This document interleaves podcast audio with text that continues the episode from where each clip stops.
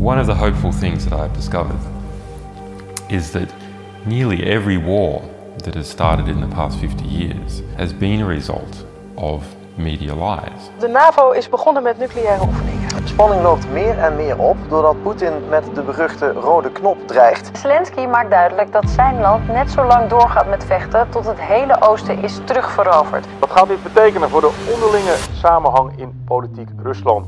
The media could have stopped it if they had searched deep enough, if they hadn't um, reprinted government propaganda, they could have stopped it. But what does that mean? Well, that means basically populations don't like wars. And populations have to be fooled into war. A new delegation of the European Union and the European parties and the European Parliament shall come on this place until you have won your fight. I think we're in play. That would be great, I think, to help glue this thing and have the UN help glue it.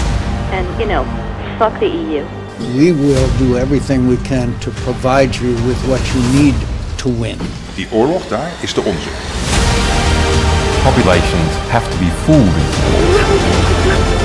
The media could have stopped it.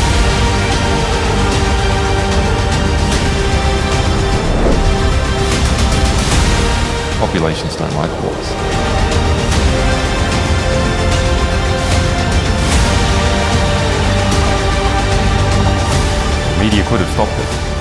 Для защиты России и нашего народа мы, безусловно, используем все имеющиеся в нашем распоряжении. Это не блеф.